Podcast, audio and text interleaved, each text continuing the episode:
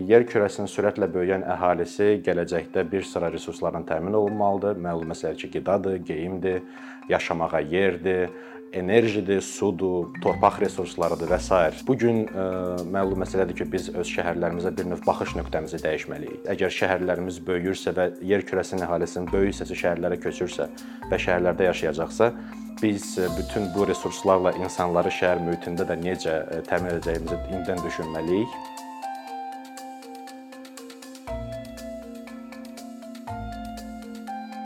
Bu gün şəhər salma elmi adı çəkilən problemlərin bir çoxuna öz həll yollarını təklif eləyir və biz bu günümüz və sabahımız haqqında danışarkən əlbəttə ki, keçmiş haqqında da danışmaq düzgün olardı. 19-cu əsrin sonlarında, 20-ci əsrin əvvəllərində şəhərlər avtomobillər olmadığı üçün piyada hərəkət üçün layihələndirirdilər və bu məsələ kəskin şəkildə dəyişməyə başladı. Xüsusən də 20-ci əsrin əvvəlində şəxsi avtomobillərin sənaye formasında istehsalından başlayaraq və 2-ci Dünya müharibəsindən sonra bu şəxsi avtomobillərə tələbin xeyli artmasından sonra şəhərlərin görünüşü dəyişməyə başladı.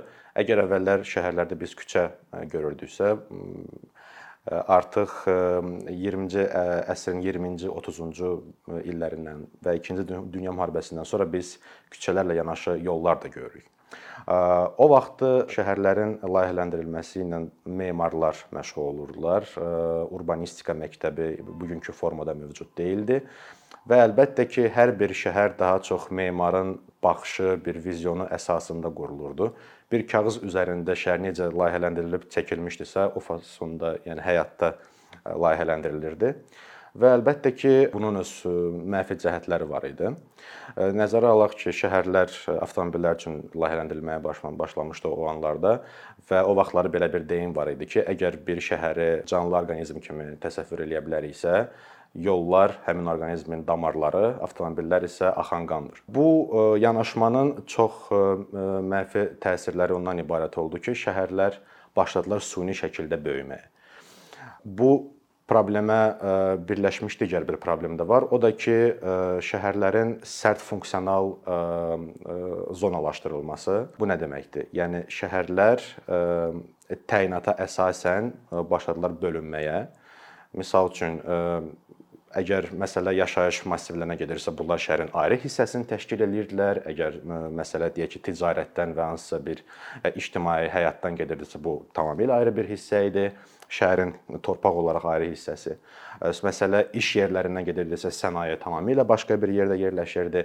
Bu süni şəkildə məsafələri böyütməyə başladı və biz əgər süni şəkildə məsafələrin böyüməsindən danışırıqsa, əlbəttə ki, biz effektiv torpaq istifadəsindən söhbət aça bilmərik. Böyük mərkəzlər başladılar ətrafda yerləşən torpaqları bir növ istismar etməyə. Bunun çox bariz nümunəsi olaraq biz bu gün Amerika Birləşmiş Ştatlarının şəhərlərini görə bilərik. Amerikan kinolarından bu gün gördüyümüz, yəni ənənəvi bir görünüş var, məktəb avtobusu görünüşü. Yəni bu bir növ həmin səhiflərin birbaşa göstəricisidir, vaxtı ikən buraxılmış səhiflərin. Bu əlbəttə ki, 2-ci Dünya müharibəsindən sonra bir sentiment yaranmışdı, Amerika Amerikan xəyalı sentimenti, hansı ki, nəinki Amerika Birləşmiş Ştatları, bütün e, Qərbi Avropanı da əhatə eləmişdi. Əsas məsələ nə? Yəni ondan ibarət idi ki, hər bir Amerikalı ailənin öz evi və öz avtomobilləri olmalı idi. Və bu günün özündə e, biz keçmişdən qalan suburbiya ərazilərini görürük. Yəni şəhərlərin davamı olan, amma şəhər olmayan ərazilər. İnsanlar orada şəxsi evlərində yaşayırlar. Bəli, avtomobillərə sahibdirlər, amma bir şəhər mühiti yoxdur elementar olaraq evə ərzaq almaq üçün və yaxud hansısa sosial xidmətlərdən istifadə etmək üçün insanlar məcburi şəkildə öz şəxsi avtomobillərindən istifadə eləyərək o məsafələri qət edirlər. 60-cı, 70-ci, 80-ci illərdən artıq yeni urbanizm hərəkatı güc toplayırdı və böyüyürdü və buna görə qərb şəhərlərində həmin əvvəlki illərdə buraxılan səhiflər səhiflərin üzərində bir növ işləməyə başladılar. Amma yeni bir problem yarandı. Bu problem də o idi ki, inkişafda olan şəhərlər, xüsusən də yaxın şərqdə, Cənubi Asiyada, Şərqi Asiyada inkişafda olan şəhərlər ənənəvi qərb şəhərini bir uğur modeli kimi özləri üçün seçdilər. Kinoları təsəvvür eləsəz və yaxud Amerikanın görüntülərini təsəvvür eləsək, 60-70-ci illərdə təbii ki, söhbət Nyu-Yorkdan gedir, Nyu-Yorkun göydələnlərindən gedir.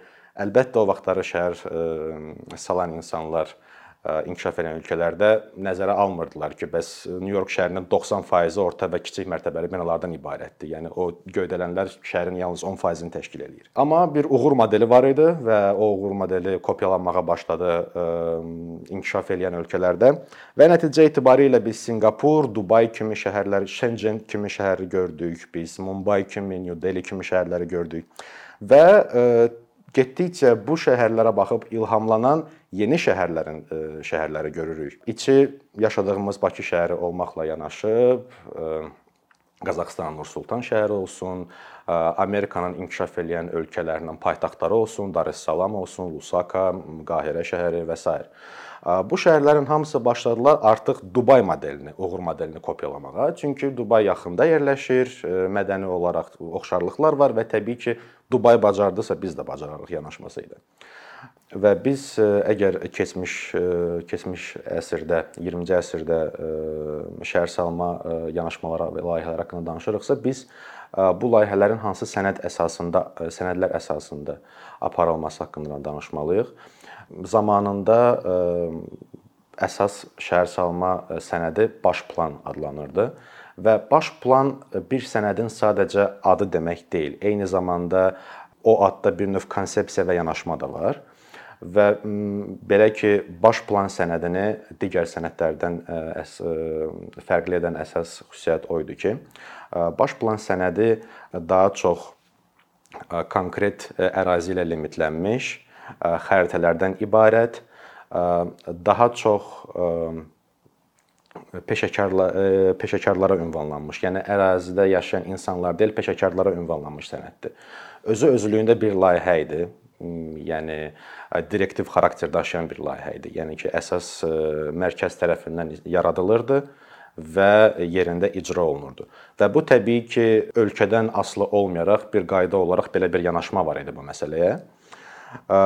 Onu da vurğulayım ki, Sovet İttifaqı dövründə şəhər salma layihələri bundan daha proqressiv formada baş verirdi. Ya layihələrin hazırlanması daha proqressiv formada baş verirdi nisbətdə. Və baş planın əsas xüsusiyyətlərindən biri də odur ki, ərazidə yaşayan əhali iştirakçı deyil və şəhər salma planının yaradıcılarından biri də deyil. İstehlakçı kimi qələmə verilirdi. Buna bundan fərqli olaraq bugünkü günü biz başqa bir yanaşmanın ərsəyə gəlməsinin şahidi oluruq. O da ki, strateji şəhər planlanması yanaşmasıdır. Strateji planlama haqqında bir ümumiyyətlə bir faktor olaraq danışsaq, onu deməliyik ki, strateji planlama tək şəhər salma deyil, digər sahələrdə də var və öz kökünü strateji planlama sırf korporativ biznes mühitindən götürür. 20-ci əsrdə və dövrümüzdə də bir çox böyük şirkətlər öz gələcək inkişaf strategiyalarını düzgün qurmaq üçün strateji planlardan istifadə edirdilər və bunun əsas məqsədi o idi ki, prosedur ümumi şəkildə bütün mərhələləri əhatə eləsin və bu mərhələlərdə kimlər iştirak eləyəcəksə və kimin fəaliyyəti nədən sırf ibarət olacaqsa, bunun hamısı konkret şəkildə qeyd olunsun. Və strateji planlamanı baş plandan fərqli edən bir, bir vacib xüsusiyyət də odur ki, strateji planlama öz dövrünə adaptasiya oluna bilən bir formatdır. Yəni əgər prosedur ərzində nəsə dəyişdisə, strateji planlamanı adaptasiya etmək mümkün olur.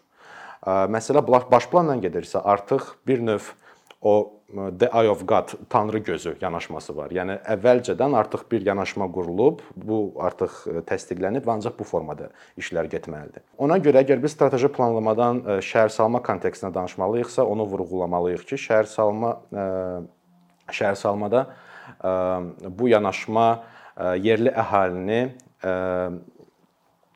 cəlb eləyən və insanların fikirlərini və onların öz yaşadıkları mühitə baxışlarını təhlil eləyir. Əlbəttə ki, söhbət tək yerli əhalidən getmir. Bir ərazini təsəvvür eləsək, o ərazidə həm yerli əhali var, həm ərazi təqdim olunmuş digər tərəflər də var, maraqlı tərəflər. Bu ola bilər böyük biznes, orta kiçik biznes ola bilər, dövlət qurumları ola bilər, ondan sonra sakinlərin birlikləri ola bilər, bu qeyri-hökumət təşkilatları ola bilər və s. Strateji planlamada bu tərəflərin birgə müzakirəsi nəticəsində vahid hamı üçün eyni olan və hamını bir hədəf ətrafında birləşdirən konkret hədəflər qoyulur və o hədəflərə çatmaq üçün konkret iş planı hazırlanır.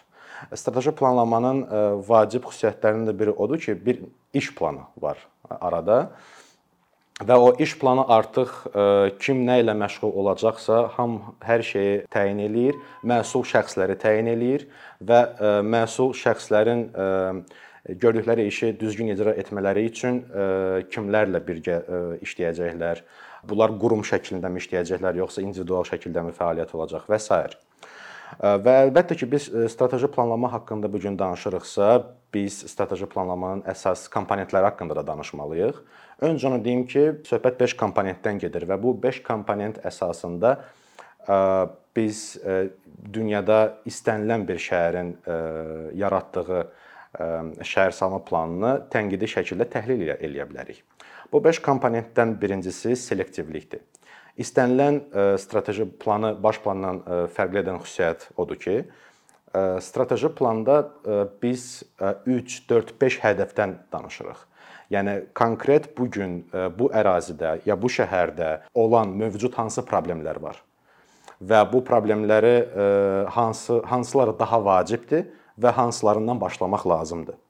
Bu selektivlik məqamıdır. Baş planda bir növ başqa yanaşma idi. Ərazidə nə problem varsa, hamısını biz göstəririk, amma icra olundu, olunmadı, bu artıq ikinci məsələdir. Ona görə selektivlik baxımından istənilən baş planı təhlil etmək, onun nə dərəcədə strateji olub-olmamasını da təyin etmək üçün çox əlverişli yanaşmadır. İkinci komponent inklüzivlikdir.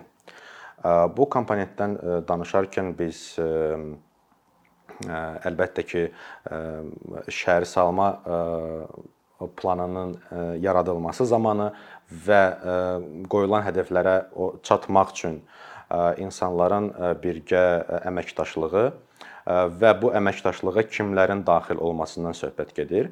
Əlbəttə ki, planın hazırlanması dövründə müəyyən workshoplar təşkil olunur, insanlar ora dəvət olunur.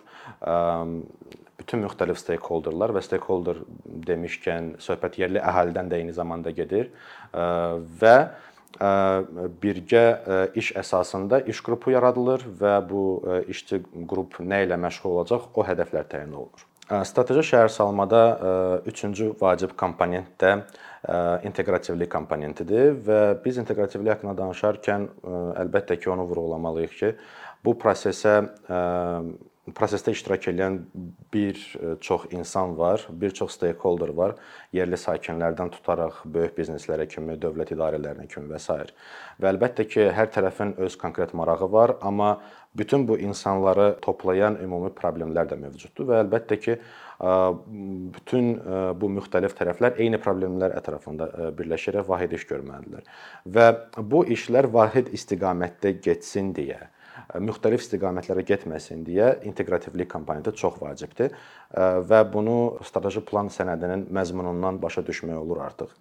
Və bu inteqrativliyin əsas vacib cəhəti ondan ibarətdir ki, işlər müxtəlif istiqamətdə getsə, eyni işin bir neçə dəfə görülməsi zərurəti yaranır və bu da avtomatik olaraq resursların xərclənməsinə və düzgün istifadə olunmamasına, itirilməsinə gətirib çıxarır. Dördüncü komponent gələcəyə baxış komponentidir və biz gələcəyə baxış haqqında danışırıqsa, söhbət inkişaf edilən ərazimi olsun və yaxud şəhərmi olsun, gələcəkdə necə görsənəcək? Qoyulan hədəflərə çatandan sonra nə dəyişikliklər olacaq? Bu dəyişikliklərdən kimlər qazanacaq? İnsanların sosial rifahında nə dərəcədə pozitiv dəyişikliklər baş verəcək bunların nəticəsində. Ümumi olaraq bunu göstərir və nə dərəcədə dolğun şəkildə bu müzakirə olunubsa sənəddə bir o qədər yaxşıdır. Və əlbəttə ki, gələcəyə baxışdan danışırıqsa bu bir növ şəhərin və ərazinin iqtisadi inkişafının vektorlarını təyin eləyir. Beşinci komponentdəki fəaliyyət yönümlülükdür. Ümumiyyətlə müasir strateji şəhər salma planında 2 hissə olur adətən. Birinci hissə əvvəl dediyim bütün məsələləri müzakirə edən hissə, ikinci hissə isə layihələr, konkret nələr görüləcək, məsul şəxslər kimdir? Bunun hamısında bir idarəçi heyəti varsa, kimlərdən ibarətdir? İdarəçi heyətin vəzifələri nədən ibarətdir? Ən əsas məsul şəxs bu prosesin içində kimdir? Bu adətən, yəni şəhərin əsas şəhər salma idarəsi olur. Ona görə müasir şəhərsalma planını fərqləndirən əsas cəhətlərdən də biri odur ki, istənilən sənəddə ikinci implementation part, yəni həyata keçirmə hissəsi mütləq olmalıdır. Bu gün biz strateji planlama haqqında danışırıqsa, biz əlbəttə ki, bunu Bakı şəhərinin nümunəsində də müzakirə etməliyik. Bildiyimiz kimi 2021-ci ilin əvvəllərinə təsəvvür deyəsən fevral ayı idi. Bakı şəhərinin baş planı işıq üzü görməli idi və böyük ictimaiyyətə təqdim olunmalı idi. Amma təəssüf ki, hələ də bu baş verməyib və belə başa düşürəm ki, işlər hələ də davam eləyir. Düzdür, sənəd hələ ki yoxdur, sənədlə tanış olmamışıq və obyektiv heç bir təhlil eləyə bilmirik və heç bir konkret fikir bildirə bilmərik.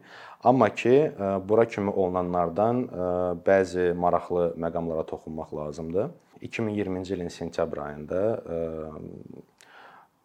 bu planın ilkin versiyası Arxitektura və Şəhərsalma Komitəsinin saytında paylaşılmışdı və ilkin versiya ilkin versiya ilə insanların tanış olub və öz irad təkliflərini bildirmələri xahiş olunmuşdu. Sentyabrdan dekabra kimi 3 ay ərzində vaxt verilmişdi, amma təəssüf ki, bu dövrün 44 günü müharibə ilə eyni vaxta düşdü və məlum məsələdir ki, əhalinin fikri və bütün duyğuları orada deyildi və mən belə başa düşürəm ki, lazım olan dərəcədə nə təklif, nə tənqid ala bilmədi Şəhərsalma Komitəsi. Amma buna baxmayaraq işlər bitmiş kimi göstərildi və böyük bir müzakirəyə səbəb olmadı bu mövzu. İstəyərdim ki, ki bu mövzu təzədən açılsın, böyük bir nisbətən 3, 4, 6 aya kimi, bəlkə də 1 ilə kimi vaxt verilsin ki, böyük ictimaiyyət təkliflərlə tanış olsun və obyektiv formada təhlil eləyərək təkliflərini və iradlarını bildirə bilsin. Bu məsələnin əsas vacib tərəfi ondan ibarətdir ki, biz insanları e, planlama prosesinə e, qataraq əlimizdə olan resursları obyektiv şəkildə dəyərləndirə bilirik və söhbət şəhər mühitindən gedirsə, təbii ki, e, əhali artır, amma əlimizdə olan resurslarımız azdır və limitlidir və təbii ki, o resursları düzgün şəkildə istifadə olunması üçün böyük bir proses ərzində eyni işin bir neçə dəfə görülməməsi üçün və ümumiyyətlə bütün prosesin optimallaşdırılması üçün strateji planlama çox böyük önəm daşıyır və əlbəttə ki, biz daha böyük sayda insanın problemi haqqında məlumatlıyıqsa, biz əlimizdə olan resursları daha düzgün və daha böyük insanın böyük insan kütləsinin problemlərini əhatə eləyəcək formada istifadə edə bilərik.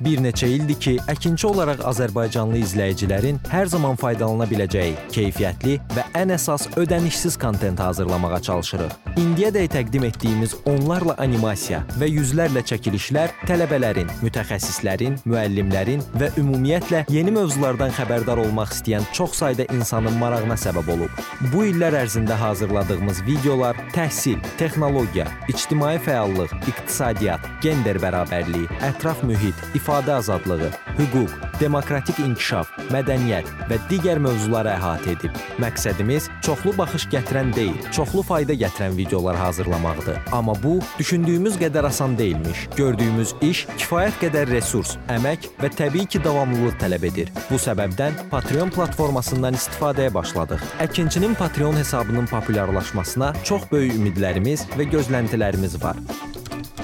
Bəziləriniz Patreon haqqında ilk dəfə eşidirsiniz. Əslində çox sadə izahı olan bir platformadır.